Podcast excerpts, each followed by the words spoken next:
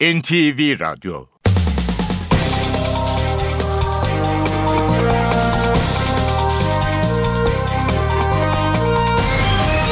İşe Giderken Mutlu sabahlar, iyi haftalar. Ben Aynur Altunkaş. Bugün 23 Eylül Pazartesi. İşe giderken de Türkiye ve dünya gündemine yakından bakacağız. Önce gündemdeki başlıklar.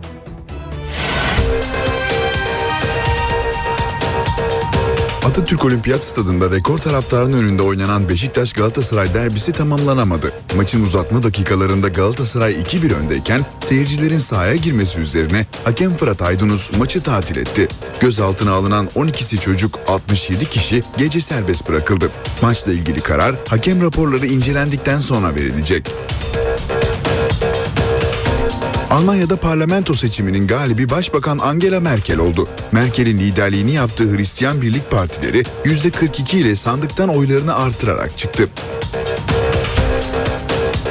Kenya'nın başkenti Nairobi'de bir alışveriş merkezinde düzenlenen saldırıda 68 kişi hayatını kaybetti, 175 kişi yaralandı. Pakistan'da bir kiliseye pazar ayini sonrasında intihar saldırısı düzenlendi. 78 kişi hayatını kaybetti.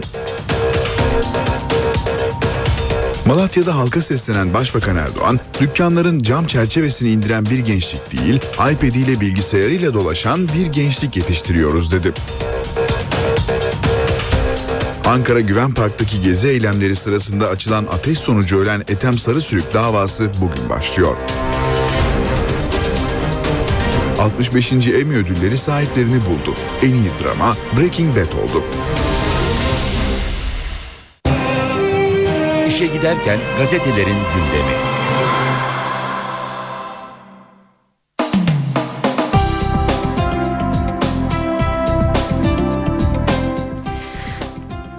E, yarıda kalan Beşiktaş Galatasaray derbisine ilişkin haberleri bugün gazetelerde büyükçe, genişçe görüyoruz. Hürriyet gazetesi ağır ceza kapıda diyor. Atatürk Olimpiyat Stadında 76.127 taraftarla güzel başlayan tarihi derbi çirkin olaylarla yarım kaldı. Beşiktaş Galatasaray maçının 90 artı 3. dakikasında Melo kırmızı kart gördü, maç karıştı, taraftar sahaya girdi. Olaylar kontrolden çıkınca hakem Fırat Aydınus içeri girdi ve Galatasaray Galatasaray'ın 2-1 önde olduğu derbi tatil edildi. Maçla ilgili nihai kararı verecek federasyonun Galatasaray'ı hükmen galip ilan etmesi, Beşiktaş'a da ağır cezalar vermesi bekleniyor demiş Hürriyet. Hürriyette bir diğer başlık vahşetin çağrısı. Mardin'de kan davası için 3 çocuk 2 kadını katleden Erkan ailesinin büyüğü Abdullah Erkan bizim ailede 80 diğer ailede 60 erkek var bundan sonrasını Allah bilir diyor. Dersleri seçerken hassas olun. Başbakan Erdoğan, Kur'an ve Siyer-i Nebi derslerinin artık liselerde seçmeli okutulduğunu hatırlatarak velilere seslendi. Sevgililer sevgilisinin tek önder, rehber, hayatı bizim için bir izdir. Onun için de annelerin, babaların seçmeli derslerde de hassas davranmalarında fayda var. Öyle bir adım atalım ki halkın iradesine saygının ne olduğunu öğrensinler. Bu saldırı AKP tezgahı başlığını yine hürriyette görüyoruz. Kılıçdaroğlu Başbakan Erdoğan'ın polise saldıranlarla CHP kol kola eylem yaptı sözüne sert yanıt verdi. Bu saldırı tam bir AKP tezgahı bundan daha iğrenç tezgah olamaz diyor Kılıçdaroğlu. Radikaller büyük tehdit başlığını yine hürriyette görüyoruz. Birleşmiş Milletler Zirvesi için gittiği New York'ta Suriye'yi değerlendiren Cumhurbaşkanı Gül, El-Kaide, El-Nusra gibi gruplarla ilgili önemli tespitlerde bulundu. Sınırdaki radikal gruplar bizim için de önemli güvenlik tehdidi. Türkiye'den gidenler olabilir ancak devletin bilgisi dahilinde gidemez. Tankla topla beklediğimiz halde teröriste engel olamıyoruz. Gereken herkesi ikaz ettim. Milliyet gazetesi sürmanşette kaos gecesi diyor dev derbide olimpiyat stadı savaş alanına döndü. Beşiktaş'la Galatasaray arasında Atatürk Olimpiyat Stadyumundaki maç son dakikalarda taraftarın sahaya girmesi nedeniyle yarım kaldı. Aslında her şey çok güzel başlamıştı. 75 bini aşkın siyah beyazı taraftar tribünleri doldurup bir rekora imza attı. Maçın ilk yarısını lider Beşiktaş Almeida'nın kafa golüyle galip bitirdi. İkinci yarıda Drogba iki kez sahneye çıktı. Galatasaray sayı öne geçirdi. Maçın 90 artı 2. dakikasında Melo, Motta'ya sert girince hakem Fırat Aydınus kırmızı kartını gösterdi. Melo'nun çıkarken formasını tribünlere göstermesi fitili ateşledi. Sahaya inen taraftarı güvenlik güçleri engelleyemedi. Futbolcular ve hakemler soyunma odasına kaçtı. Güvenlik güçleri tartaklandı. Hakem maçı tatil etti. Hükmen mağlup ilan edilmesi beklenen Beşiktaş'a seyircisiz 6 maç ceza da kapıda demiş Milliyet haberinde. Bir anlık ihmal başlığı yine milliyette pusudaki kan davalılar ilk hatada katletti.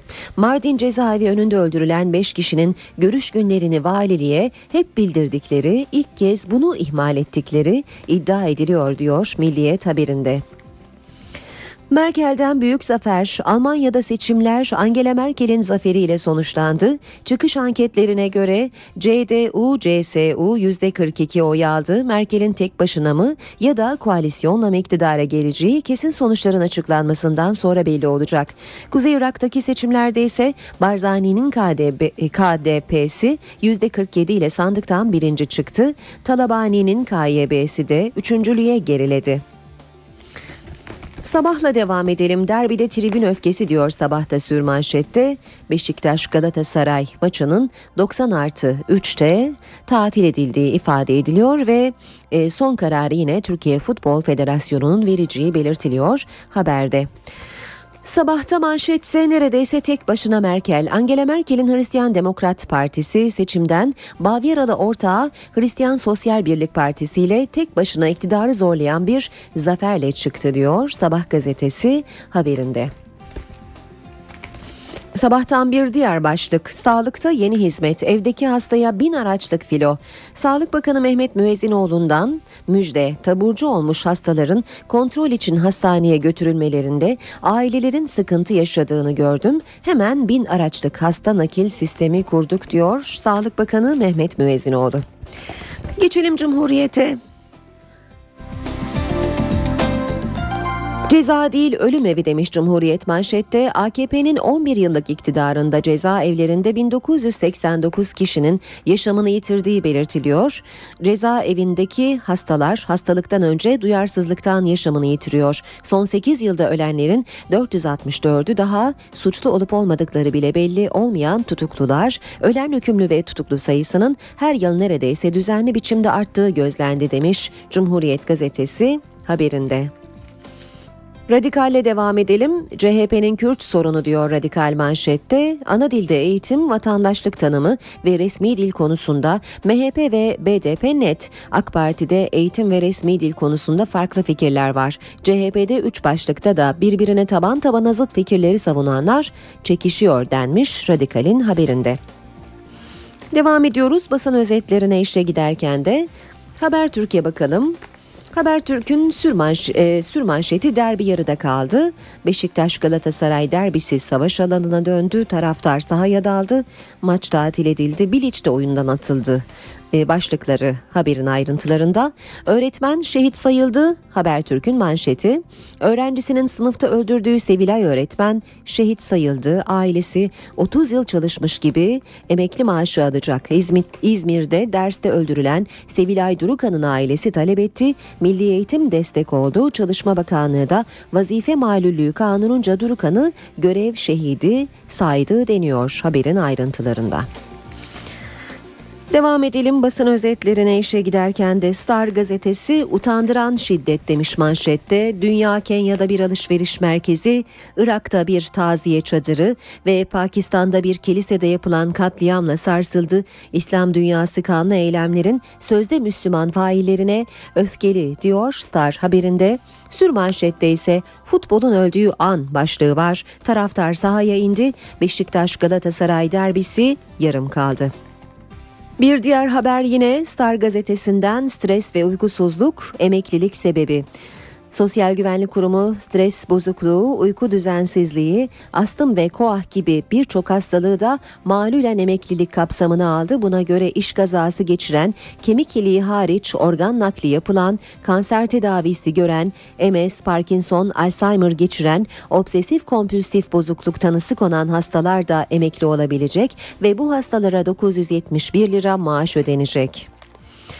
Zaman gazetesi aileler dikkatli olsun bu acıyı yaşamasınlar diyor manşetinde. Emniyete saldırı sonrası çatışmada ölen DHKPC'li Karataş'ın anne babasının açıklamalarını görüyoruz. Anne Fatma Karataş, oğlumu kandırdılar benden kopardılar. Yıllarca yolunu bekledim. Mutlu gününü göremeden gitti diyerek örgüte lanet yağdırdı. Baba Ali Karataş ise aileleri uyardı. Terör örgütlerine karşı dikkatli olsunlar. Bizim yaşadığımız acıyı yaşamasınlar. Ve Yeni Şafak'la bitiriyoruz basın özetlerini. Trilyon dolarlık ajan diyor Yeni Şafak son ifşaatı pahalıya patladı. Amerika Birleşik Devletleri'nin sırlarını deşifre eden eski CIA çalışanı Snowden'ın ülke ekonomisine zararı 1 trilyon doları geçti diyor Yeni Şafak haberinde.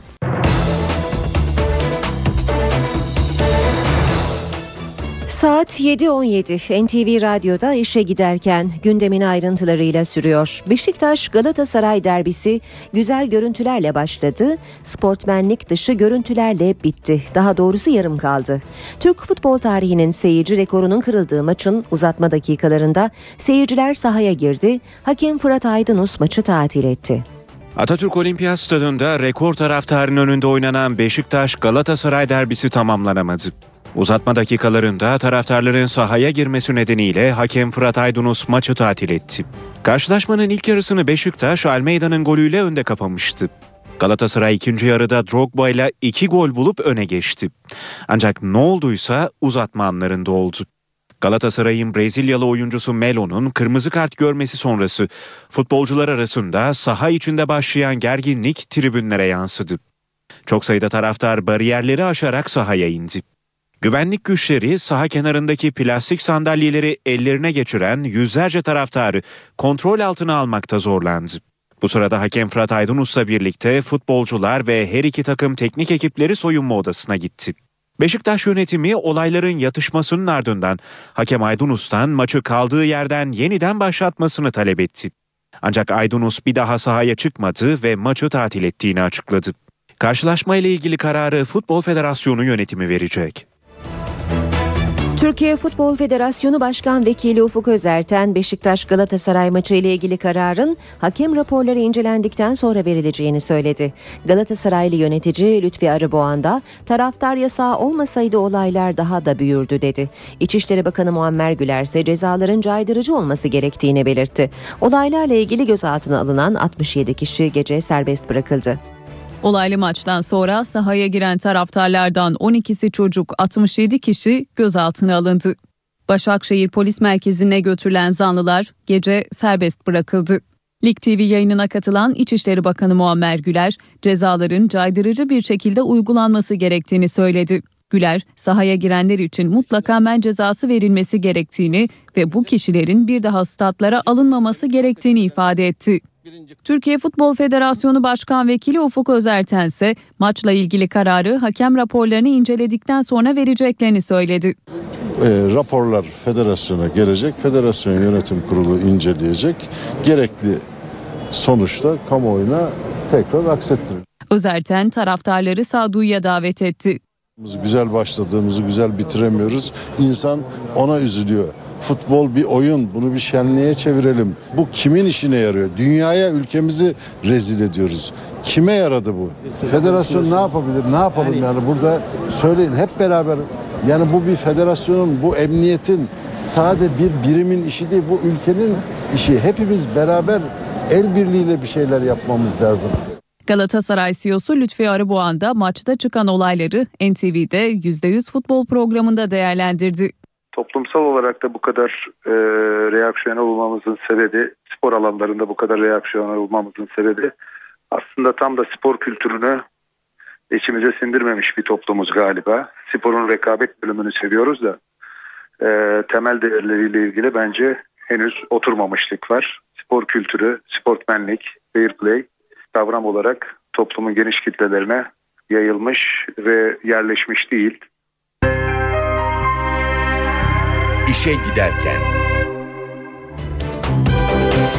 Sınırlarımızın dışından haberlerimiz var. Kenya'nın başkenti Nairobi'de bir alışveriş merkezine düzenlenen saldırıda 68 kişi hayatını kaybetti, 175 kişi yaralandı. Kenya ordu sözcüsü operasyonun devam ettiğini ve Eşşebap militanlarınca rehin alınanların büyük kısmının kurtarıldığını açıkladı. Sözcü militanların elinde 10 kadar rehinenin daha bulunduğunu söyledi. Operasyona İsrail özel kuvvetleri de destek veriyor. Saldırıda ölenler arasında Kanadalı bir diplomatla Fransız ve Çin vatandaşları da var. Kenya Cumhurbaşkanı da saldırıda bazı yakınlarını kaybettiğini açıkladı. Eşşebap militanları saldırının Kenya'nın Somali'deki operasyonlarına misilleme olduğunu belirtiyor.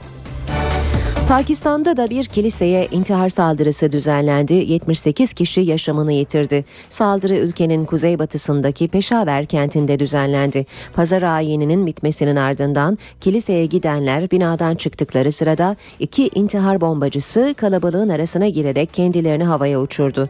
Ölenler arasında kadınlarla çocuklar da var. Yaralı sayısı 120. Saldırı sırasında kilisede en az 400 kişinin bulunduğu belirtiliyor. Saldırının sorumluluğunu henüz üstlenen olmadı. Bu Pakistan'da Hristiyanlara yönelik en kanlı saldırı olarak kayıtlara geçti. Pakistan'da 180 milyonluk nüfusun %4'ü Hristiyanlardan oluşuyor. Almanya'da parlamento seçiminin galibi Başbakan Angela Merkel oldu. Merkel'in liderliğini yaptığı Hristiyan Birlik Partileri CDU ve CSU yaklaşık %42 ile sandıktan oylarını arttırarak çıktı. Merkel'in koalisyon ortağı Hür Demokrat Parti ise barajı aşamadı. Almanya üçüncü defa Merkel dedi. Başbakan Angela Merkel'in liderliğini yaptığı Hristiyan Birlik Partileri oylarını artırarak seçimden birinci parti çıktı. Ya liebe Freunde, Bu süper bir sonuç. Her şeyden önce bize güvenen herkese teşekkür ediyorum. Söz veriyorum. Sorumlu ve dikkatli hareket edeceğiz. Ana muhalefetteki Sosyal Demokrat Parti ise oylarını az da olsa artırdı ancak ikincilikten kurtulamadı. Merkel'in koalisyon ortağı Hür Demokrat Parti ise %5 barajına takıldı. Böylece FDP 1949'dan bu yana ilk defa meclise giremedi. Ancak Merkel'in resmi sonuçların netleşmesiyle tek başına hükümet kurma olasılığı bulunuyor. Tek başına hükümet kuramazsa sosyal demokratlarla koalisyona gitmesi bekleniyor. Daha 4 ay önce kurulan Euro karşıtı Almanya için Alternatif Partisi ise barajı aşma sınırında. Yeşiller ve Sol Parti önceki seçimlere oranla oy kaybetmelerine rağmen meclise milletvekili göndermeyi başardılar. Seçimlere katılımın 2009'dakine kıyasla arttığı, seçmenlerin %73'ünün oy kullandığı belirtiliyor. Kuzey Irak'ta önceki gün düzenlenen genel seçimlerde de resmi olmayan sonuçlara göre Mesut Barzani önderliğindeki Irak Kürdistan Demokrat Partisi'nin zaferiyle noktalandı. Muhalif Goran Hareketi ise %22 ile oylarını arttırarak ikinci parti oldu. Kuzey Irak Meclisi'ndeki 111 sandalyenin yeni sahiplerinin belirlendiği seçime 31 siyasi parti ve grup katıldı. Mesut Barzani'nin Irak Kürdistan Demokrat Partisi geçerli oyların %53'ünü alarak seçimden birinci parti çıktı.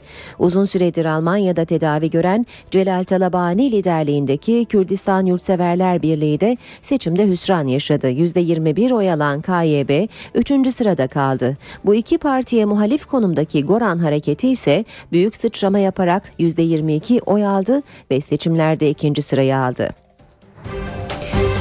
Cumhurbaşkanı Abdullah Gül Birleşmiş Milletler Genel Kurul görüşmeleri kapsamında New York'ta bugün Cumhurbaşkanı Gül'ü yoğun bir program bekliyor. Cumhurbaşkanı Gül'ün mesaisi Türkiye saatiyle 16'da Yatırım Bankası Merrill Lynch'te yapacağı değerlendirme toplantısıyla başlayacak. Gül, 100 civarında finans sektörü temsilcisinin katılacağı toplantıda konuşma yapacak. Cumhurbaşkanı Gül saat 17.30'da Avusturya Cumhurbaşkanı Heinz Fischer'le bir araya gelecek. Saat 20'de Türk-Amerikan İş Konseyi toplantısına katılacak olan Gül, Türkiye saatiyle bir de Amerika Başkanı Barack Obama'nın devlet ve hükümet başkanlarına vereceği resepsiyona katılacak. İşe giderken 16 Eylül'de sınır ihlali yapan Suriye helikopterini düşüren Türk Silahlı Kuvvetleri pilotlarına ödül verildi. Açıklama Hava Kuvvetleri Komutanlığı'ndan geldi. Türk Silahlı Kuvvetleri angajman kurallarına uyarak 16 Eylül'de Suriye helikopterini düşüren personeline ödül verdi. Hava Kuvvetleri Komutanı Orgeneral Akın Öztürk, Türk Silahlı Kuvvetleri personelini Genelkurmay Başkanı Orgeneral Necdet Özel'in de takdirlerini ileterek ödüllendirdi. Hava Kuvvetleri Komutanlığından yapılan açıklamaya göre ödül töreni Diyarbakır'daki Hava Kuvvetleri Komutanları toplantısından hemen önce gerçekleştirildi. Orgeneral Öztürk ödül töreninde Ulu Önder Atatürk'ün gösterdiği hedefe doğru adım adım yükselen hava kuvvetlerinin vatan savunmasında üzerine düşen sorumluluğun bilincinde ve daima hazır olduğunu vurguladı. 16 Eylül pazartesi günü öğle saatlerinde Türk hava sahasını 2 kilometre ihlal eden Suriye Hava Kuvvetleri'ne ait bir helikopter uyarıları dikkate almayınca ihlalden 4 dakika sonra Malatya'dan kalkan 2 F-16 uçağından birisi tarafından düşürülmüştü. Kayseri Malatya Karayolu'nda bir araçta bulunan roket başlığına benzeyen cisimle bir miktar sıvı kimyasal silah endişesine neden oldu. Genelkurmay ve Atom Enerjisi Kurumu ekipleri ele geçirilenleri inceledi. Cisim daha ayrıntılı inceleme için Ankara'ya gönderildi. Kayseri'de bir araçta bulunan metal cisim güvenlik güçlerini alarma geçirdi. Emniyet güçleri Kayseri Malatya Karayolu'nda yapılan uygulamada şüpheli bir aracı durdurdu. Mardin'den İstanbul'a giden araçta arama yapıldı. Aramada sürücünün yanındaki ön koltuğun altında alüminyum folyoya sarılmış roket başlığına benzeyen bir metal parça bulundu. Üzerinde Rusça yazılar ve rakamlar bulunan 1,5 kilogram ağırlığındaki cismin içinde sıvı olduğu saptandı. Kimyasal silah şüphesi nedeniyle Kayseri'deki tüm birimler harekete geçirildi. AFAD ve olay yeri inceleme ekipleri çağrıldı. Durum İçişleri Bakanlığı ve Genelkurmay Başkanlığı'na bildirildi. Ankara'dan uzman ekip istendi. Türkiye Atom Enerjisi Kurumu ve Genelkurmay Başkanlığı'na bağlı özel ekipler araç içinde ve cismin üzerinde inceleme yaptı. Araçta radyasyon ölçümü yapıldı. Ölçümlerde radyoaktif sızıntıya rastlanmadı. Yapılan ortak çalışmada metalin askeri mühimmat olmadığı belirlendi. Araçta bulunan biri Suriyeli 3 kişi gözaltına alındı. Cisim detaylı inceleme için Ankara'da Hıfzı Sığa Enstitüsü'ne gönderildi. Metal cisim biyolojik ve kimyasal incelemeye tabi tutulacak. Ankara'da Emniyet Genel Müdürlüğü binalarına yönelik roketli saldırı ile ilgili yeni ayrıntılar ortaya çıktı. İki saldırgan olaydan kısa bir süre sonra havadan ve karadan takibe alındı. Operasyon için yerleşim bölgesinden çıkmaları beklendi. 5000 polisin katıldığı operasyon 3 saat sürdü. 20 Eylül Cuma saat 21.45. Saz kılıfı içine saklanmış RPG-7 roket atarı 30 saniye arayla ateşlendi. İlk atış Emniyet Genel Müdürlüğü otoparkı, diğeri ise polis evi giriş katına isabet etti. Saldırıda 200 mm zırh delici mühimmat kullanıldı. Olaydan 5 dakika sonra Terör İstihbarat ve Özel Harekat Müdürleri olay yerine geldi. Saldırganların tahmini kaçış güzergahı tespit edildi. Bölge 5000 polise ablukaya alındı. Saat 22.25. İçişleri Bakanı Muammer Güler olay yerine geldi. Emniyet Müdürü Mehmet Kılıçlar ve Ankara Emniyet Müdürü Kadir Ay'dan bilgi aldı. Saat 23.15. İnsan kokusuna duyarlı köpek kullanılarak saldırganların Dikmen Caddesi'ne çıktığı tespit edildi. Mobese ve güvenlik kameraları tek tek incelendi. Gece yarısına doğru eşgaller belirlendi. Saat 00.25. Ankara Emniyet Müdürü Kadir Ay operasyon için talimat verdi. Çevredekilerin zarar görmemesi için caddeyi takip ederek kaçan örgüt üyelerine müdahale edilmedi. Sivil kıyafetli terör ekipleri yaya olarak saldırganları takibe alırken helikopterlerle zanlıların attığı her adım gece görüş kamerasıyla izlendi. Saat 00.45. Saldırganlar Konya yolu üzerindeki ağaçlık alana yöneldi. Saat 00.55. Örgüt üyelerinin çevresi sarıldı. Saldırganlar önce uyarıldı uyarıya ateşle karşılık verilmesi üzerine çatışma çıktı. İki dakika süren çatışmada saldırganlardan biri öldürüldü. Diğeri yaralı olarak ele geçirildi. Ankara Güven Park'taki gezi eylemleri sırasında açılan ateş sonucu ölen Etem Sarısülük davası bugün başlıyor. Sarısülük'ün katil zanlısı polis memuru Ahmet Şahbaz'ın tutuksuz yargılandığı dava saat 10'da Ankara 6. Ağır Ceza Mahkemesi'nde görülecek. İddianamede polis memuru Ahmet Şahbaz'ın meşru müdafaa sınırını aşarak adam öldürmekten 2 yıla kadar hapisle cezalandırılması isteniyor. Bugünkü duruşmaya polis memuru Ahmet Şahbaz'ın katılması beklenmiyor. İstanbul Ok Meydanı'nda izinsiz gösteri yapan bir gruba polis müdahale etti. Olaylar sırasında polise ses bombası atan bir kişi elinden yaralandı. Akşam saatlerinde Piyalepaşa Caddesi üzerinde toplanan grup barikat kurarak ateş yaktı. Polis göstericilere biber gazıyla müdahale etti. Eylemciler de polise molotof kokteylleri fırlattı. Ara sokaklardaki gerginlik sürdüğü sırada polise ses bombası atan bir kişi ise elinden yaralanarak hastaneye kaldırıldı. Atatürk Olimpiyat Stadında rekor taraftarın önünde oynanan Beşiktaş Galatasaray derbisi tamamlanamadı. Maçın uzatma dakikalarında Galatasaray 2-1 öndeyken seyircilerin sahaya girmesi üzerine hakem Fırat Aydınus maçı tatil etti. Gözaltına alınan 12'si çocuk 67 kişi gece serbest bırakıldı. Maçla ilgili karar hakem raporları incelendikten sonra verilecek. Almanya'da parlamento seçiminin galibi Başbakan Angela Merkel oldu. Merkel'in liderliğini yaptığı Hristiyan Birlik Partileri %42 ile sandıktan oylarını artırarak çıktı. Kenya'nın başkenti Nairobi'de bir alışveriş merkezinde düzenlenen saldırıda 68 kişi hayatını kaybetti, 175 kişi yaralandı. Pakistan'da bir kiliseye pazar ayini sonrasında intihar saldırısı düzenlendi. 78 kişi hayatını kaybetti. Malatya'da halka seslenen Başbakan Erdoğan, dükkanların cam çerçevesini indiren bir gençlik değil, iPad ile bilgisayarıyla dolaşan bir gençlik yetiştiriyoruz dedi. Ankara Güven Park'taki gezi eylemleri sırasında açılan ateş sonucu ölen Ethem Sarısülük davası bugün başlıyor. 65. Emmy ödülleri sahiplerini buldu. En iyi drama Breaking Bad oldu. İşe giderken gazetelerin gündemi.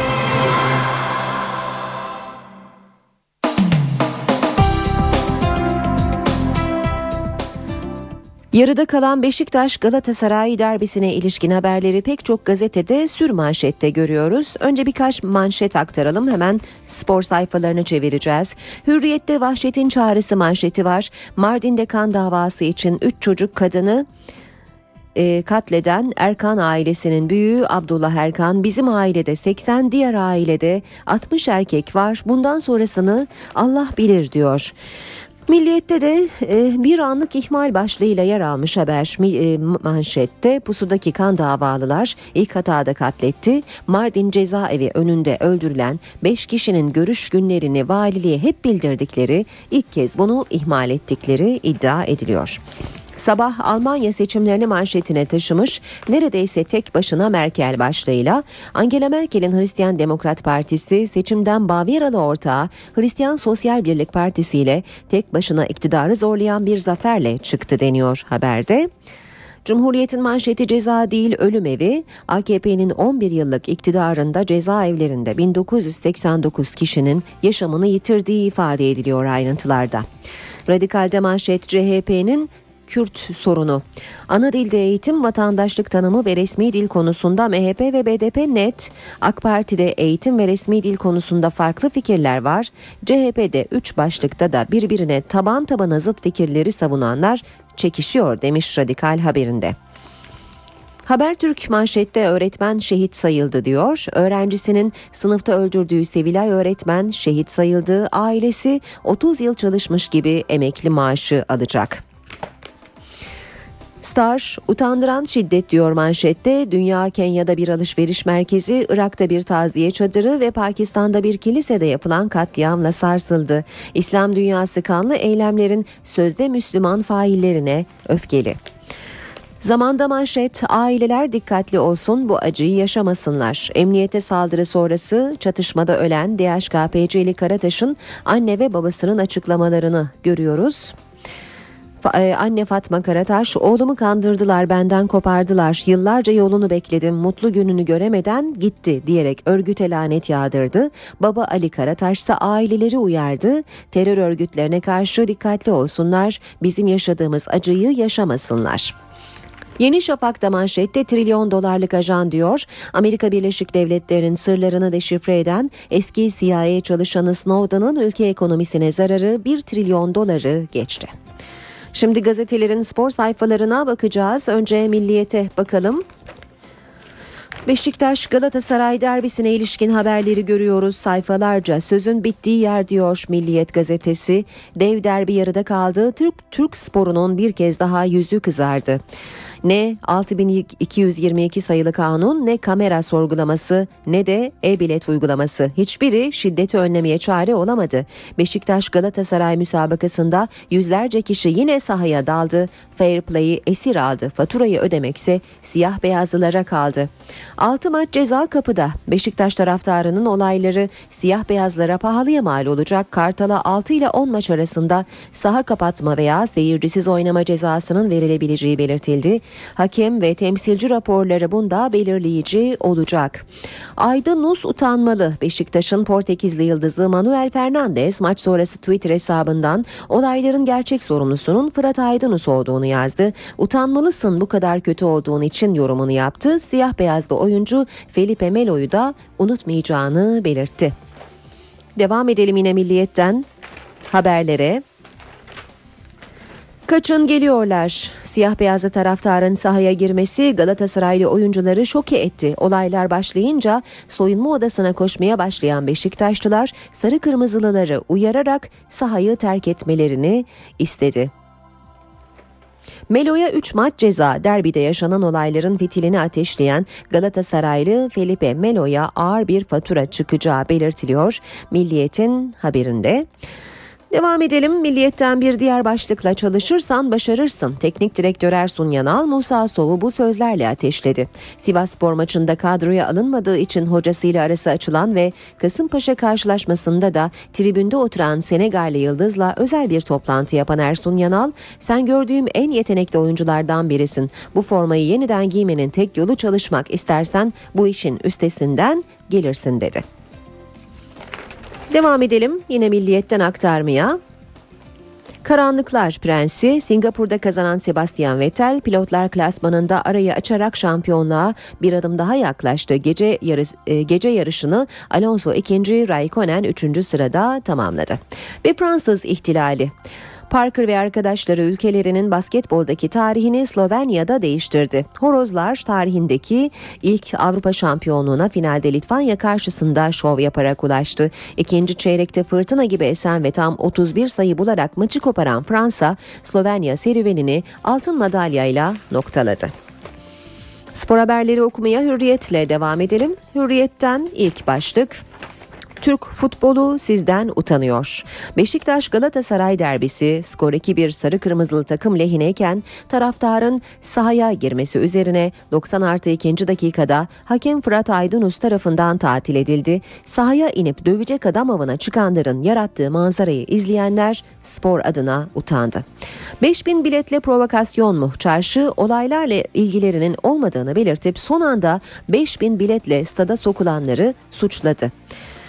Melo'ya da ağır ceza geleceği ifade ediliyor. E, sarı kırmızılı futbolcunun 3 e, ila 5 maç cezalandırılabileceği ifade ediliyor haberin ayrıntılarında.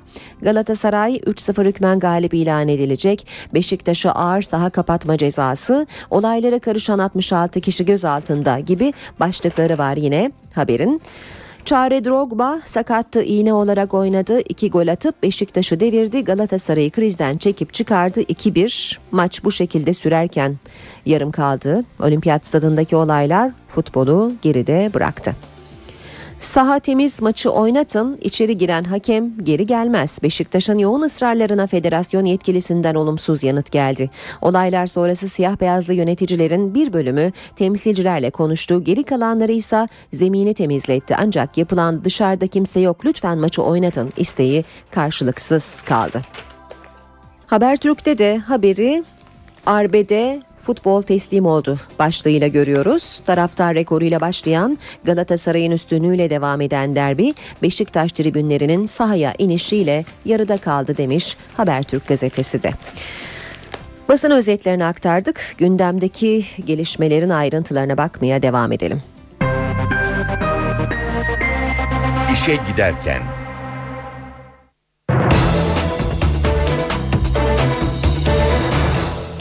Başbakan Tayyip Erdoğan Malatya ziyaretinin ikinci gününde Darende ve Doğanşehir ilçelerinde halka hitap etti. Velilere seslenen Başbakan Erdoğan seçmeli ders uyarısı yaptı. Gündeminde Suriye ve Mısır'da vardı. Mısır'da halkın iradesine saygı duymayanlar darbe yaptılar. Neye güvendi elindeki silah? Bu silah bir gün onlara da doğrultulur. Başbakan Recep Tayyip Erdoğan Malatya'nın Darende ilçesinde Mısır'daki darbe yönetimine mesaj verdi. Dış politikadaki tutumundan dolayı CHP'yi eleştirdi. Biz bunların karşısına dikiliyoruz diye Türkiye'deki ana muhalefet bundan rahatsız oluyor. Çünkü bunlar hakkın ve haklının ne demek olduğunun farkında değiller. Başbakan öğrenci ailelerine seçmeli ders konusunda hassasiyet uyarısı yaptı. Kur'an-ı Kerim'di. Siyer-i Nebi'ydi. Düz liselerde de seçmeli ders olarak var mı? Anneler babalar yavrularının geleceği için seçmeli derslerde de hassas davranmalarında bana göre fayda var. Erdoğan Doğanşehir ilçesindeki konuşmasında da gençlere seslendi. Bıçakla, doner bıçağıyla dolaşan bir gençlik değil, bilgisayarıyla dolaşan bir gençlik yetiştiriyoruz.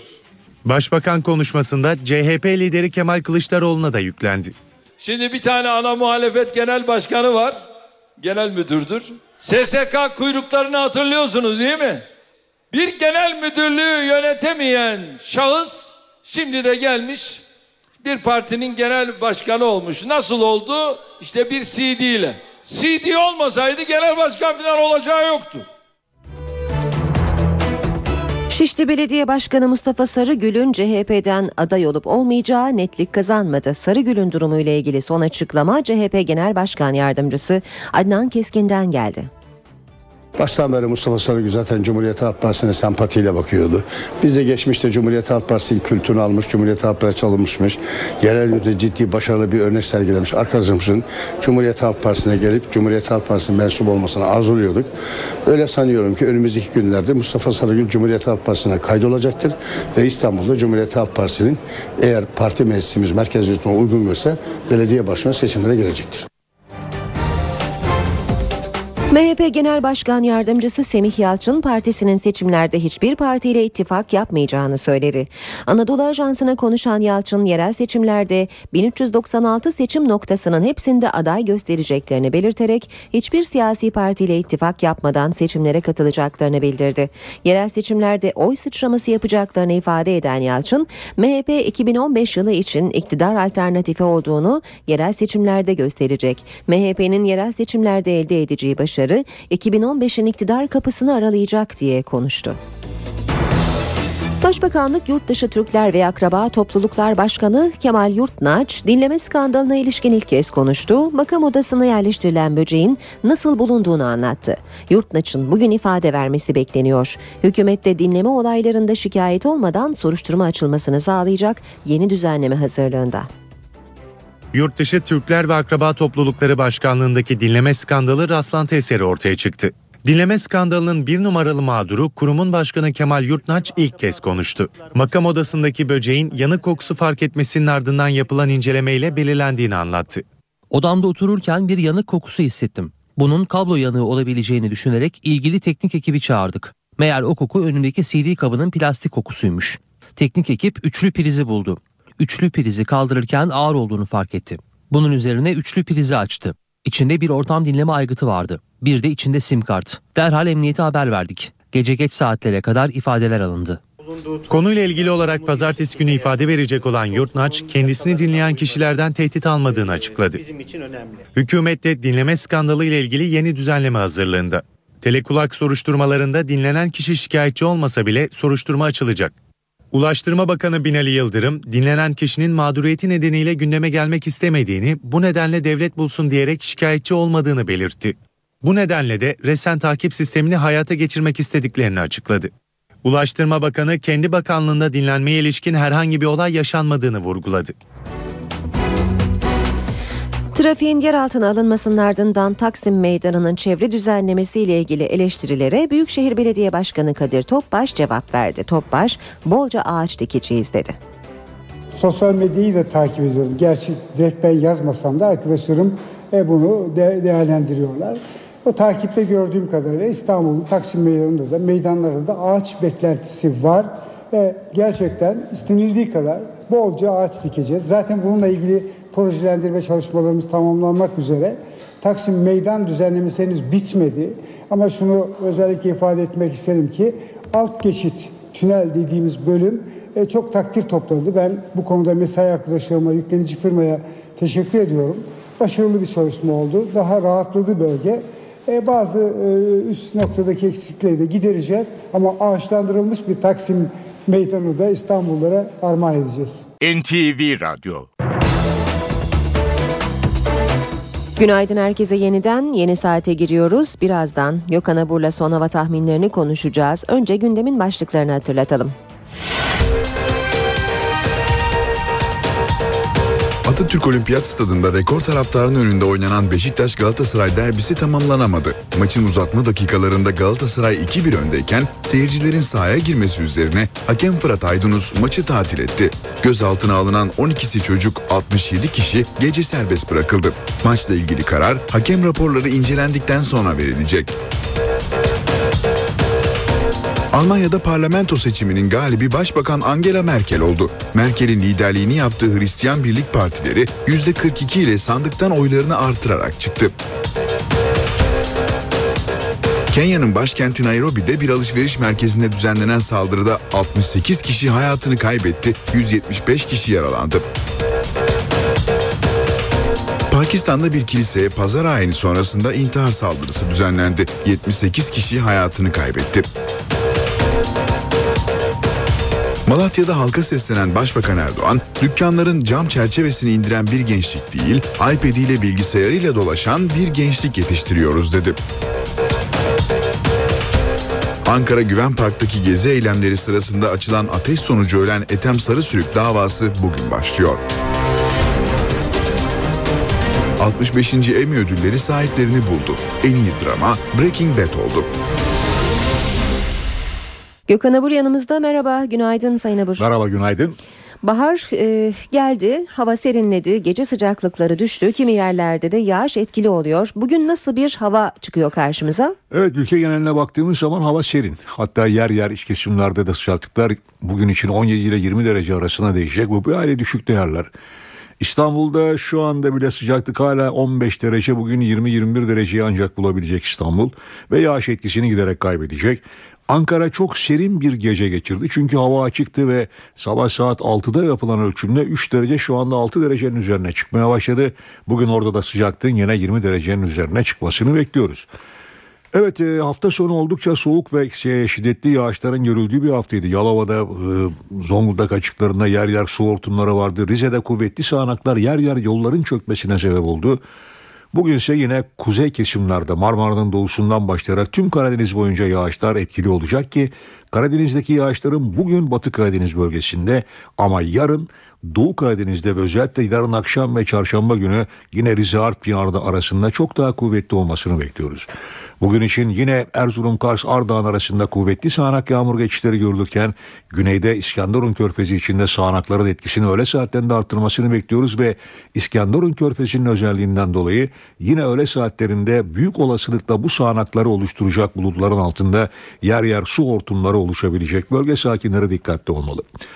Evet yarın ve çarşamba günü sıcaklıklar doğuda ve kuzey kesimlerde devam edecek. Çarşambadan sonra yağış giderek etkisini kaybederken sıcaklıklar Ege'den başlayarak yükselecek. Haftanın ikinci yarısı batı ve iç kesimlerde sıcaklıkların yükselmesini bekliyoruz ki hafta sonuna doğru yine yer yer mevsim ortalamaları üzerine çıkabilecek sıcaklıklar var. Evet e, bir sonbahar provasıydı diyeceğim e, ama hakikaten hava oldukça serin biraz dikkatli olmakta fayda var. Gribal enfeksiyon riski de fazla ee, evet, bu sebeple. Evet yani ben, ben de şu anda burnumdan konuşuyorum. Etrafta da bak, baktığım zaman bazı arkadaşlarımın hakikaten e, soğuk algınlığı içinde olduğunu dikkatli olmakta fayda var. Çok hızlı değişimler bunlar. Evet dışarı çıkarken temkinli olalım. Evet. Teşekkür ediyoruz ve geçmiş ben olsun. Ben teşekkür ediyorum. Hoşçakalın. İşe giderken gazetelerin gündemi.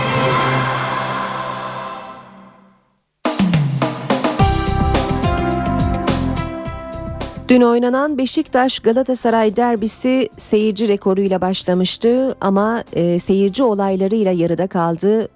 E, maçla ilgili haberleri bugün gazetelerde sür manşetlerde görüyoruz. Milliyet gazetesi kaos gecesi diyor.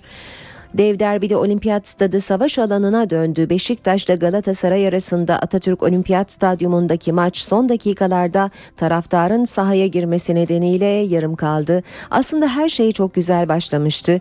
75 bini aşkın siyah beyazlı taraftar tribünleri doldurup bir rekora imza attı. Maçın ilk yarısını lider Beşiktaş Almeida'nın kafa golüyle galip bitirdi. İkinci yarıda Drogba iki kez sahneye çıktı. Galatasaray'ı öne geçirdi. Maçın 90 artı 2 ikinci dakikasında Melo Motta'ya sert girince hakem Fırat Aydınus kırmızı kartını gösterdi. Melo'nun çıkarken formasını tribünlere göstermesi fitili ateşledi. Sahaya inen taraftarları güvenlik güçleri engelleyemedi. Futbolcular ve hakemler soyunma odasına kaçtı. Güvenlik güçleri tartaklandı. Hakem maçı tatil etti. Hükmen mağlup ilan edilmesi beklenen Beşiktaş'a seyircisiz 6 maç ceza da kapıda. Milliyetin manşeti bir anlık ihmal pusudaki kan davalılar ilk hatada katletti. Mardin cezaevi önünde öldürülen 5 kişinin görüş günlerini valiliğe hep bildirdikleri ilk kez bunu ihmal ettikleri iddia ediliyor. Mardinli İpek ve Süer aileleriyle Erkan ailesi arasındaki 25 yıllık kan davasının son kurbanlarının 3 çocukla 2 kadın olmasının yarattığı şok sürüyor. Birlikte yaşayan İpek ve Süer ailelerinin Diyarbakır'daki evinin 29 Ocak'ta Kunda kuntaklanması ve iki çocuğun ölmesinin ardından kurtulanlar valilik tarafından korunmaya alınmış. Diyarbakır Bağlar'daki mahalle sakinlerinin anlatımına göre aile fertleri Mardin'e cezaevi ziyaretine gitmeden önce her zaman valiliğe haber veriyormuş. Ancak son ziyarette ailenin bilgi vermediği bu nedenle ölüme davetiye çıkarıldığı öne sürülüyor. Devam edelim yine milliyetten. O ortam insanı terörist yapar. Suriye'de Nusra gibi grupların radikalleşme sürecini yorumlayan Cumhurbaşkanı Gül, iç savaş öyle acımasızdır ki karıncayı ezmeyen insan her şeyi yapmaya başlar. İnsanlar önce zulmü durdurmak için gider ama o ortam onu radikal sonra terörist yapar.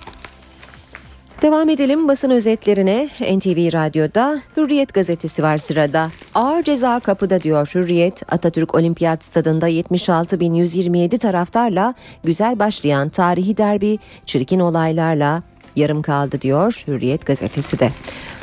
Vahşetin çağrısı başlığı Hürriyet'te manşet az önce Milliyet'ten de aktardığımız haberi görüyoruz. Mardin'de kan davası için 3 çocuk ve 2 kadını katleden Erkan ailesinin büyüğü Abdullah Erkan bizim ailede 80 diğer ailede 60 erkek var bundan sonrasını Allah bilir diyor.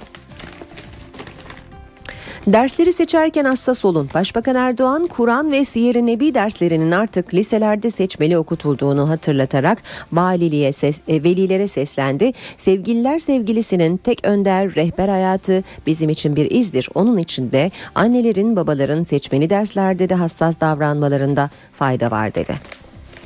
Sabah gazetesi manşette Almanya'daki seçimlere yer vermiş. Neredeyse tek başına Merkel. Angela Merkel'in Hristiyan Demokrat Partisi seçimden Bavyeralı ortağı Hristiyan Sosyal Birlik Partisi ile tek başına iktidarı zorlayan bir zaferle çıktı diyor Sabah haberinde.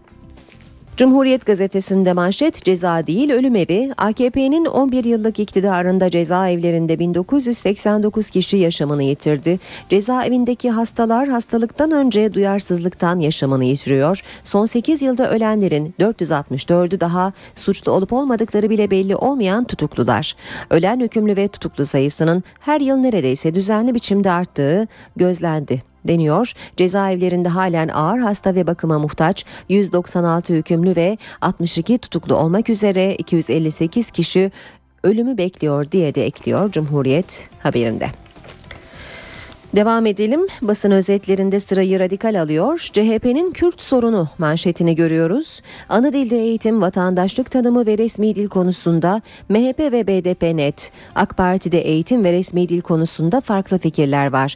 CHP'de üç başlıkta da birbirine taban tabana zıt fikirleri savunanlar çekişiyor denmiş haberin ayrıntılarında. Zaman gazetesine bakalım. Aileler dikkatli olsun bu acıyı yaşamasınlar diyor zaman manşette. Ankara Dikmen'de Emniyet Genel Müdürlüğü ek binasıyla polis evine roketli saldırı düzenleyen ve güvenlik güçleriyle girdiği çatışmada ölen DHKPC'li Muharrem Karataş'ın Anne ve babasının açıklamalarını görüyoruz. Anne Fatma Karataş, oğlumu kandırdılar, benden kopardılar. Yıllarca yolunu bekledim. Mutlu gününü göremeden gitti diyerek örgüte lanet yağdırdı. Baba Ali Karataş ise aileleri uyardı. Terör örgütlerine karşı dikkatli olsunlar. Bizim yaşadığımız acıyı yaşamasınlar. Habertürk manşetinde öğretmen şehit sayıldı diyor. Öğrencisinin sınıfta öldürdüğü Sevilay öğretmen şehit sayıldı. Ailesi 30 yıl çalışmış gibi emekli maaşı alacak. İzmir'de derste öldürülen Sevilay Durukan'ın ailesi talep etti. Milli Eğitim destek oldu. Çalışma Bakanlığı da vazife malüllüğü kanununca Durukan'ı görev şehidi saydı deniyor haberde. Geçelim Star gazetesine utandıran şiddet Manşeti Star'da Dünya Kenya'da bir alışveriş merkezi, Irak'ta bir taziye çadırı ve Pakistan'da bir kilisede yapılan katliamla sarsıldı. İslam dünyası kanlı eylemlerin sözde Müslüman faillerine öfkeli diyor Star gazetesi. Bir başka haberin başlığı stres ve uykusuzluk emeklilik sebebi. Sosyal Güvenlik Kurumu stres bozukluğu, uyku düzensizliği, astım ve koah gibi birçok hastalığı da malülen emeklilik kapsamına aldı. Buna göre iş kazası geçiren, kemik iliği hariç organ nakli yapılan, kanser tedavisi gören, MS, Parkinson, Alzheimer geçiren, obsesif kompulsif bozukluk tanısı konan hastalar da emekli olabilecek ve bu hastalara 971 lira maaş ödenecek. Ve son gazete Yeni Şafak trilyon dolarlık ajan diyor. Yeni Şafak manşetinde Amerika Birleşik Devletleri'nin sırlarını deşifre eden eski CIA çalışanı Snowden'ın ülke ekonomisine zararı 1 trilyon doları geçti diyor Yeni Şafak. Başkent gündemiyle başlıyoruz bu bölümümüze de Gökhan Gerçek NTV muhabiri Gökhan Gerçek bu sabah karşımızda. E, adliye önünde bugün Gökhan çünkü orada dört ayrı dava ve soruşturma var. Gökhan günaydın. Günaydın Ethem Sarısülük davası başlıyor. Ankara Emniyeti bomba roket saldırı hala gündemde. 28 Şubat davasına devam edilecek. Neler söyleyeceksin bu gündeme ilişkin? İki dava, iki soruşturma aynı. İlk sırada Ethem Sarısülük davası olduğunu söyleyebiliriz. Gezi eylemlerinde yaşamını yitiren ilk protestocuydu Ethem Sarısülük. Güven Park'taki protesto gösterileri sırasında bir çevik kuvvet polisinin silahından çıkan kurşunla olay yerinde yaşamını yitirmişti. E, dava açıldı. E, polis memuru tutuksuz yargılanmak üzere serbest bırakıldı. E, bugün davanın ilk duruşması yapılacak. Günler öncesinden sosyal medya üzerinden e, insanlar buraya çağrı yapıyorlar. Protesto gösterileri düzenlenecek bu çerçevede. E, polisin olağanüstü güvenlik önlemi var. E, yaklaşık 2000 kadar polis adliyenin çevresinde kuş uçurtmuyor desek yeridir. E, dava saat 10'da başlayacak. Ethem Sarısülük ailesi katılacak ancak tanık polis memurunun katılmasını beklemiyoruz. Mazeret bildirerek bugün duruşmada yer almayacak. E, polis memuru, kaçış zanlısı polis memuru serbest bırakılmıştı ancak aile kasten adam öldürülmekten mahkeme heyetinden tutuklama talep edecek. Bu kararı Ankara 6. Ağır Ceza Mahkemesi e, karara bağlayacak bu talebi. Evet ikinci sırada e, böcek soruşturması var. Cuma günü damgasını vurmuştu gündeme.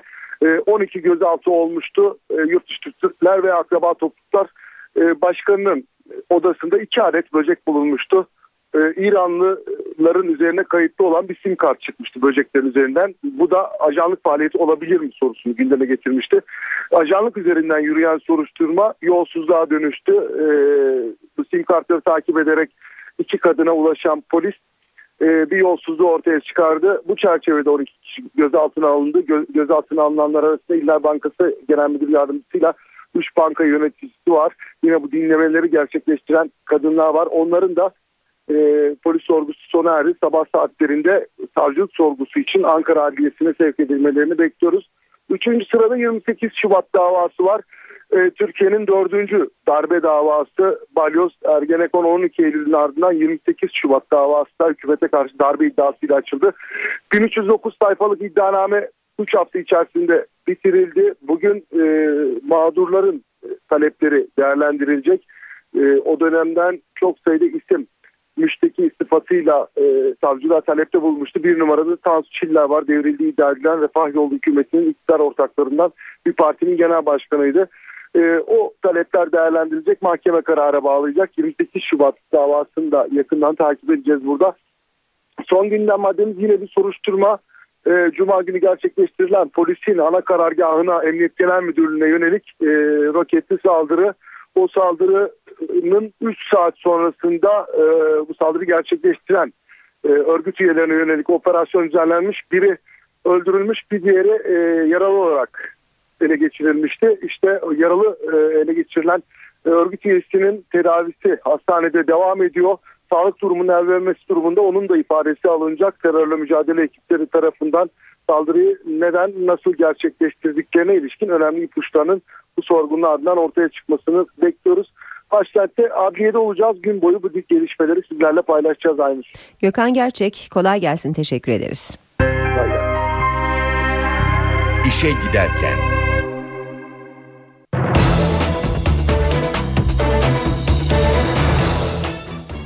Türkiye'de bugün gündemin en önemli başlıklarından biri olaylı Beşiktaş Galatasaray derbisi. Derbi güzel görüntülerle başladı, sportmenlik dışı görüntülerle sona erdi. E, bitti demek pek de doğru değil, yarım kaldı. Türk futbol tarihinin seyirci rekorunun kırıldığı maçın uzatma dakikalarında seyirciler sahaya girdi, hakem Fırat Aydınus maçı tatil etti. Atatürk Olimpiyat Stadında rekor taraftarın önünde oynanan Beşiktaş Galatasaray derbisi tamamlanamadı. Uzatma dakikalarında taraftarların sahaya girmesi nedeniyle hakem Fırat Aydınus maçı tatil etti. Karşılaşmanın ilk yarısını Beşiktaş Almeida'nın golüyle önde kapamıştı. Galatasaray ikinci yarıda Drogba ile iki gol bulup öne geçti. Ancak ne olduysa uzatma anlarında oldu. Galatasaray'ın Brezilyalı oyuncusu Melo'nun kırmızı kart görmesi sonrası futbolcular arasında saha içinde başlayan gerginlik tribünlere yansıdı. Çok sayıda taraftar bariyerleri aşarak sahaya indi. Güvenlik güçleri saha kenarındaki plastik sandalyeleri ellerine geçiren yüzlerce taraftarı kontrol altına almakta zorlandı. Bu sırada hakem Fırat Aydınus'la birlikte futbolcular ve her iki takım teknik ekipleri soyunma odasına gitti. Beşiktaş yönetimi olayların yatışmasının ardından hakem Aydınus'tan maçı kaldığı yerden yeniden başlatmasını talep etti. Ancak Aydınus bir daha sahaya çıkmadı ve maçı tatil ettiğini açıkladı. Karşılaşma ile ilgili kararı Futbol Federasyonu yönetimi verecek. Türkiye Futbol Federasyonu Başkan Vekili Ufuk Özerten, Beşiktaş Galatasaray maçı ile ilgili kararın hakem raporları incelendikten sonra verileceğini söyledi. Galatasaraylı yönetici Lütfi Arıboğan da taraftar yasağı olmasaydı olaylar daha da büyürdü dedi. İçişleri Bakanı Muammer Güler ise cezaların caydırıcı olması gerektiğini belirtti. Olaylarla ilgili gözaltına alınan 67 kişi gece serbest bırakıldı. Olaylı maçtan sonra sahaya giren taraftarlardan 12'si çocuk 67 kişi gözaltına alındı. Başakşehir Polis Merkezi'ne götürülen zanlılar gece serbest bırakıldı. Lig TV yayınına katılan İçişleri Bakanı Muammer Güler, cezaların caydırıcı bir şekilde uygulanması gerektiğini söyledi. Güler, sahaya girenler için mutlaka men cezası verilmesi gerektiğini ve bu kişilerin bir daha statlara alınmaması gerektiğini ifade etti. Türkiye Futbol Federasyonu Başkan Vekili Ufuk Özerten ise maçla ilgili kararı hakem raporlarını inceledikten sonra vereceklerini söyledi. E, raporlar federasyona gelecek. Federasyon yönetim kurulu inceleyecek. Gerekli sonuçta kamuoyuna tekrar aksettirecek. Özerten taraftarları sağduyuya davet etti. Güzel başladığımızı güzel bitiremiyoruz. İnsan ona üzülüyor. Futbol bir oyun. Bunu bir şenliğe çevirelim. Bu kimin işine yarıyor? Dünyaya ülkemizi rezil ediyoruz. Kime yaradı bu? Federasyon ne yapabilir? Ne yapalım yani burada söyleyin hep beraber yani bu bir federasyonun, bu emniyetin sade bir birimin işi değil, bu ülkenin işi. Hepimiz beraber el birliğiyle bir şeyler yapmamız lazım. Galatasaray CEO'su Lütfi Arıboğan da maçta çıkan olayları NTV'de %100 futbol programında değerlendirdi. Toplumsal olarak da bu kadar e, reaksiyon olmamızın sebebi, spor alanlarında bu kadar reaksiyon olmamızın sebebi aslında tam da spor kültürünü içimize sindirmemiş bir toplumuz galiba. Sporun rekabet bölümünü seviyoruz da e, temel değerleriyle ilgili bence henüz oturmamışlık var. Spor kültürü, sportmenlik, fair play kavram olarak toplumun geniş kitlelerine yayılmış ve yerleşmiş değil. Olaylı derbi sonrası Beşiktaş cephesinden açıklama bekleniyor. Siyah beyazlı yönetim bugün toplanacak. Tribün olayları nedeniyle tatil edilen Beşiktaş Galatasaray derbisi sonrası Beşiktaş Başkanı Fikret Orman Atatürk Olimpiyat Stadını sinirli bir şekilde terk etti. Gazetecilerin sorularını yanıtsız bırakan Başkan Orman bugün yönetim kurulu toplantısı yapacaklarını söyledi.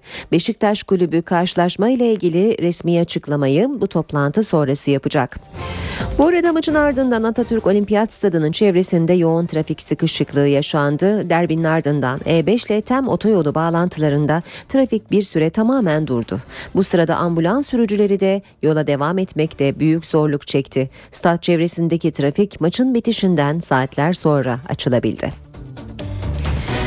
Diğer spor haberleriyle devam edelim. Avrupa'dan moralli dönen Trabzonspor'da gözler Kayseri Spor maçına çevrildi. Bu sezon hiç deplasman galibiyeti bulunmayan Bordo Mavililer Kayseri Spor maçını kazanarak bu şanssızlığını kırmak istiyor. Ligde 153 gündür deplasman galibiyeti alamayan Trabzonspor en son geçen sezon ligin 30. haftasında Eskişehir Sporu 1-0 mağlup etmişti. Bordo Mavililer bu sezon dış sahada oynadığı maçlarda Beşiktaş'a 2-0, Akisar Belediyespor'a ise 3-0 yenilmişti. Ligde son iki haftada gösterdiği başarılı performans ve Avrupa'daki Apollon galibiyetiyle güven tazeleyen Bordo Mavililer, Kayseri Spor maçında bu performansını korumak ve ilk deplasman galibiyetini almak istiyor. Ancak Kayseri deplasmanları Trabzon'a yaramıyor. Zira Bordo Mavililer Kayseri Spor'u kendi evinde 8 sezondur yenemiyor. Kayseri Spor maçının hazırlıklarını tamamlayan Trabzonspor'da sakatlıkları bulunan Kolman ve Giray kafilede yer almıyor. Potada Avrupa'nın en büyüğü Fransa oldu. Avrupa Basketbol Şampiyonası finalinde Litvanya'yı 80-66 yenen Fransa tarihinde ilk kez mutlu sona ulaştı. Formula 1'de sezonun 13. yarışı Singapur Grand Prix'sini Sebastian Vettel kazandı. Son 3 yılın şampiyonu Alman pilot böylece sezonun bitimine 6 yarış kala en yakın rakibi Fernando Alonso ile olan puan farkını 60'a çıkardı. Marina Bay cadde pistinde ve gece yapılan Singapur Grand Prix'sine pol pozisyonunda başlayan Sebastian Vettel yarış boyunca yerini hiç kaybetmedi ve hem Singapur'da hem de bu sezon üst üste 3. zaferini kazandı. Red Bull pilotu pilotu en yakın rakibi Fernando Alonso'ya 32.6 saniye fark attı. Yarışa 7. sıradan başlayan Ferrari pilotu Fernando Alonso hatasız bir pilotaj ve başarılı bir stratejiyle ikinci sıraya kadar yükseldi. Alonso'nun önümüzdeki yıl takım arkadaşı olacak Lotus pilotu Kimi Raikkonen de belindeki ağrıya karşın 13.lükten 3.lüğe kadar yükselip kürsüye çıkmayı başardı. Markalarda ise lider Red Bull'un 377, ikinci Ferrari'nin 274, 4, 3. Mercedes'in 267 puanı bulunuyor. Formula 1'de sezonun 14. yarışı 6 Ekim'de Kore'de yapılacak.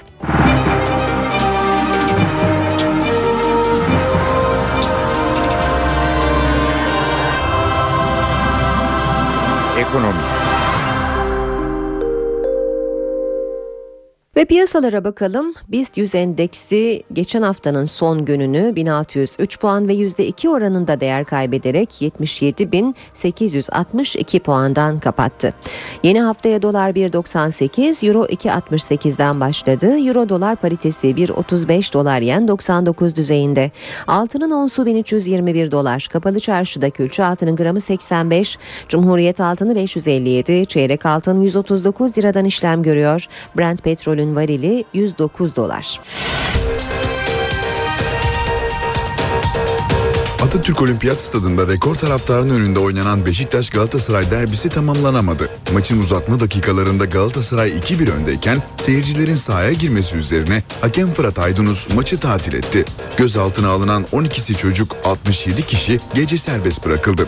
Maçla ilgili karar hakem raporları incelendikten sonra verilecek.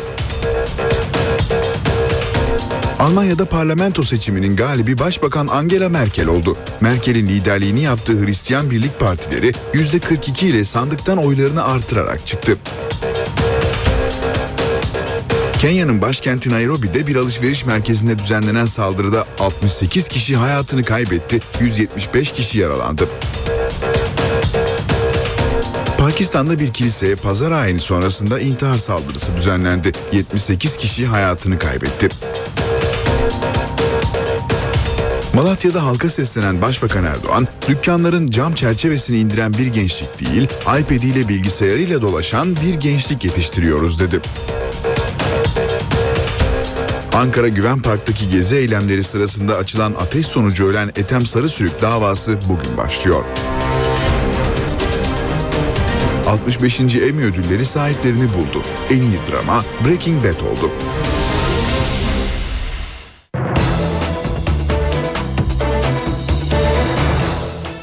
Saat 8.39 NTV Radyo'da işe giderken de birlikteyiz.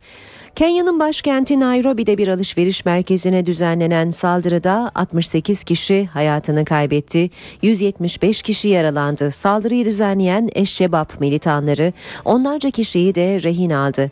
Kenya ordu sözcüsü saldırganlara yönelik operasyonun devam ettiğini ve rehinelerin büyük kısmının kurtarıldığını açıkladı. Sözcü militanların elinde 10 kadar rehinenin daha bulunduğunu söyledi.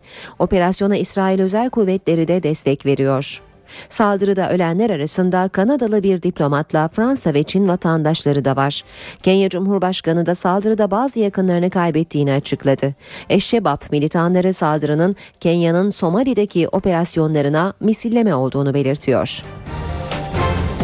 Pakistan'da da bir kiliseye intihar saldırısı düzenlendi. 78 kişi yaşamını yitirdi. Saldırı ülkenin kuzeybatısındaki Peşaver kentinde düzenlendi. Pazar ayinin bitmesinin ardından kiliseye gidenler binadan çıktıkları sırada iki intihar bombacısı kalabalığın arasına girerek kendilerini havaya uçurdu. Ölenler arasında kadınlarla çocuklar da var. Yaralı sayısı 120. Saldırı sırasında kilisede en az 400 kişinin bulunduğu belirtiliyor. Saldırının sorumluluğu sorumluluğunu henüz üstlenen olmadı. Bu Pakistan'da Hristiyanlara yönelik en kanlı saldırı olarak kayıtlara geçti. Pakistan'da 180 milyonluk nüfusun %4'ü Hristiyanlardan oluşuyor. İşe giderken Geçen yıl Başbakan Tayyip Erdoğan'ın fazla modern bulduğu Taksim Meydanı'na yapılacak cami projesi yenilendi. Onay için Başbakan Erdoğan'a sunulan caminin tasarımını yapan mimar Ahmet Vefik Alp, tasarımının hem çağdaş hem de geleneksel değerleri birleştirdiği görüşünde.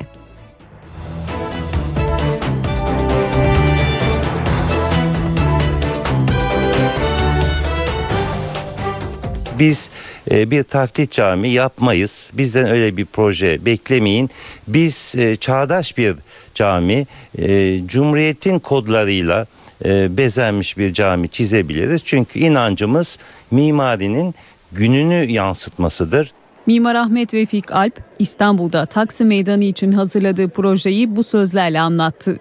Ahmet Vefik Alp, Başbakan Recep Tayyip Erdoğan'ın değiştirmesini önerdiği yeni projeye güveniyor tüm partilerin e, vizyonuna cevap verecek hem e, çağdaş Türkiye'yi anlatan ama geleneksel değerlerimizi de sonuna kadar kullanan e, çok hassas bir sentezden oluşan bir projedir. 3 adet uluslararası e, ödül almış ve bu burada şu parantezi açmak istiyorum. Bu ödüllerdeki uluslararası jürilerde de hiç Müslüman yok. Mimar Alp projenin geçmişine de değindi.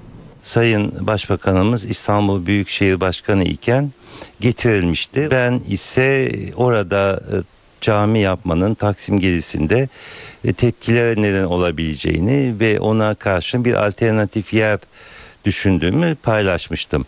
E, daha sonra nitekim tepki oldu. 28 Şubat süreci yaşandı ve konu bir süre rafa kaldırıldı. Taksim'deki eski mescidin yerine yapılması planlanan cami 2500 metrekareye inşa edilecek. Camide 1450 kişi birlikte ibadet edebilecek. İstanbul'da Türkiye'nin en büyük ve en kapsamlı cemevi'nin temelleri atıldı. Silivri'de yapılan cemevi temel atma törenine ilgi yoğundu. Türkiye'nin en büyük cemevinin temelleri atıldı. İstanbul Silivri'de yapılan törene ilgi büyük oldu. Hayranlıkla bizi izliyorlar. Cemevi projesini Silivri Belediye Başkanı Özcan Işıklar anlattı.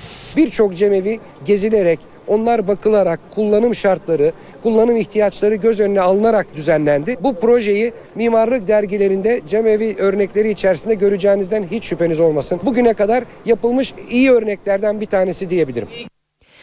Törende yan yana cami cemevi projesi de gündemdeydi. CHP milletvekili Sabahat Akkiraz ve Hacı Bektaş Veli Derneği Genel Başkanı Ercan Geçmez'in eleştirileri vardı. Çok samimi bulmadığımız bir söylev bu biraz kavram kargaşası. Vatandaş olarak söylüyorum artık kendi ibadethanemin yasal hakları olsun. Ben orada ibadetimi yapayım ve böyle güzellikler yaşayayım istiyorum. Hem Aleviler hem de Sünniler bunlar karşı çıkacak. Çünkü cami cami olduğu için güzeldir. Cemevi de cemevi olduğu için güzeldir. Heybeliada Ruhban Okulu kapılarını konser için açtı. 1971'den beri kapalı olan ve yeniden açılması talebiyle zaman zaman gündeme gelen Ruhban Okulu'nda Türk ve Yunan sanatçılar sahne aldı. 42 yıldır kapalı olan Heybeliada Ruhban Okulu'nun kapıları konser için açıldı. Yunanistan'dan Türkiye'ye Kültür Yolculuğu adlı etkinlik çerçevesinde Türk ve Yunan müzisyenler birlikte sahne aldı. Fener Rum Patriği Bartolomeos ve Bulgar Patriği Neofit de konsere katılanlar arasındaydı. İstanbul'da yaşayan Rumlar da konsere büyük ilgi gösterdi. Ben çok mutluyum böyle bir etkinlik olduğundan dolayı. İnşallah ileride de Ruhban Okulu da açıldığında herkes mutlu olur. Çok güzel bir duygu. Ben e, koşarak geldim. Türk-Yunan dostluğu benim için çok önemli. İki halkın birbiriyle olan münasebeti beni çok yakinen ilgilendiriyor. Fener Rum Patriği Bartolomeos konser öncesi Ruhban Okulu'nda bulunan kilisede dua etti.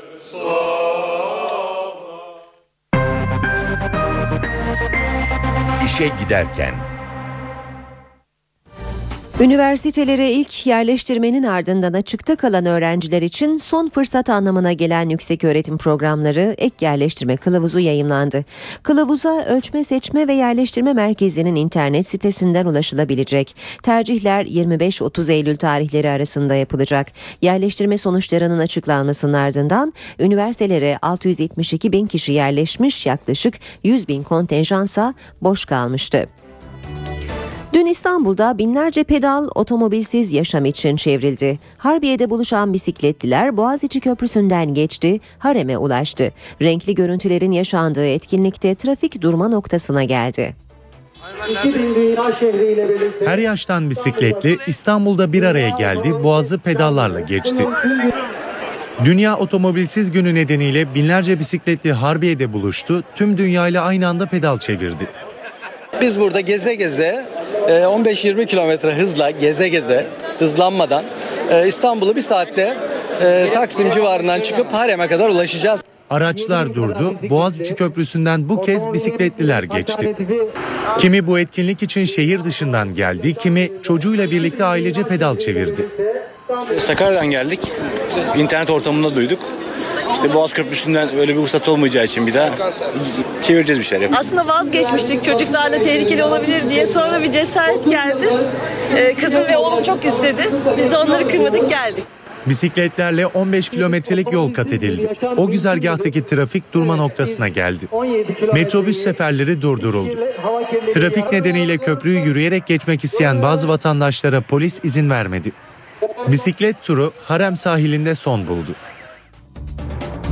Oyuncu Esra Ronabar İstanbul Sarıyer'de trafik kazası geçirdi. Yaralanan Ronabar hastaneye kaldırıldı. Kaza sabah saatlerinde Sarıyer Bahçeköy yolu üzerinde oldu.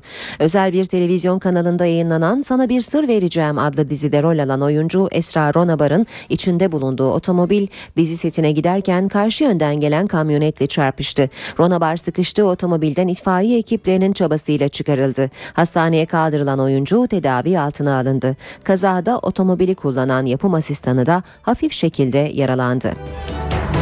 Televizyon dünyasının Oscar'ı sayılan 65. Emmy ödülleri Los Angeles'ta görkemli bir törenle sahiplerini buldu. En iyi drama dalında Emmy'yi gelecek hafta final bölümünün yayınlanacağı Breaking Bad aldı. CNBC dizisi How I Met Your Mother dizisiyle tanınan Neil Patrick Harris gecenin sonuculuğunu üstlendi. En iyi komedi erkek oyuncusu dalında ödüle uzanan isim CNBC dizisi Big Bang Theory'nin başrol oyuncusu Jim Parsons oldu. Parsons ödülü üçüncü kez kazandı. Yılın en iyi komedi kadın oyuncusuysa yine bir CNBC dizisi olan Weep'in yıldızı Julia Louis-Dreyfus oldu. En iyi drama erkek oyuncu ödülünü ise CNBC dizisi Newsroom'un başrol oyuncusu Jeff Daniels kazandı. Yılın en iyi drama kadın oyuncusu ödülüne Homeland dizisindeki performansıyla Claire Danes uzandı. Drama dalında en iyi yardımcı kadın oyuncu ödülü ise CNBC dizisi Breaking Bad'in aktrisi Anna Gunn oldu. Bu haberle işe giderken sona eriyor. Hoşçakalın. NTV Radyo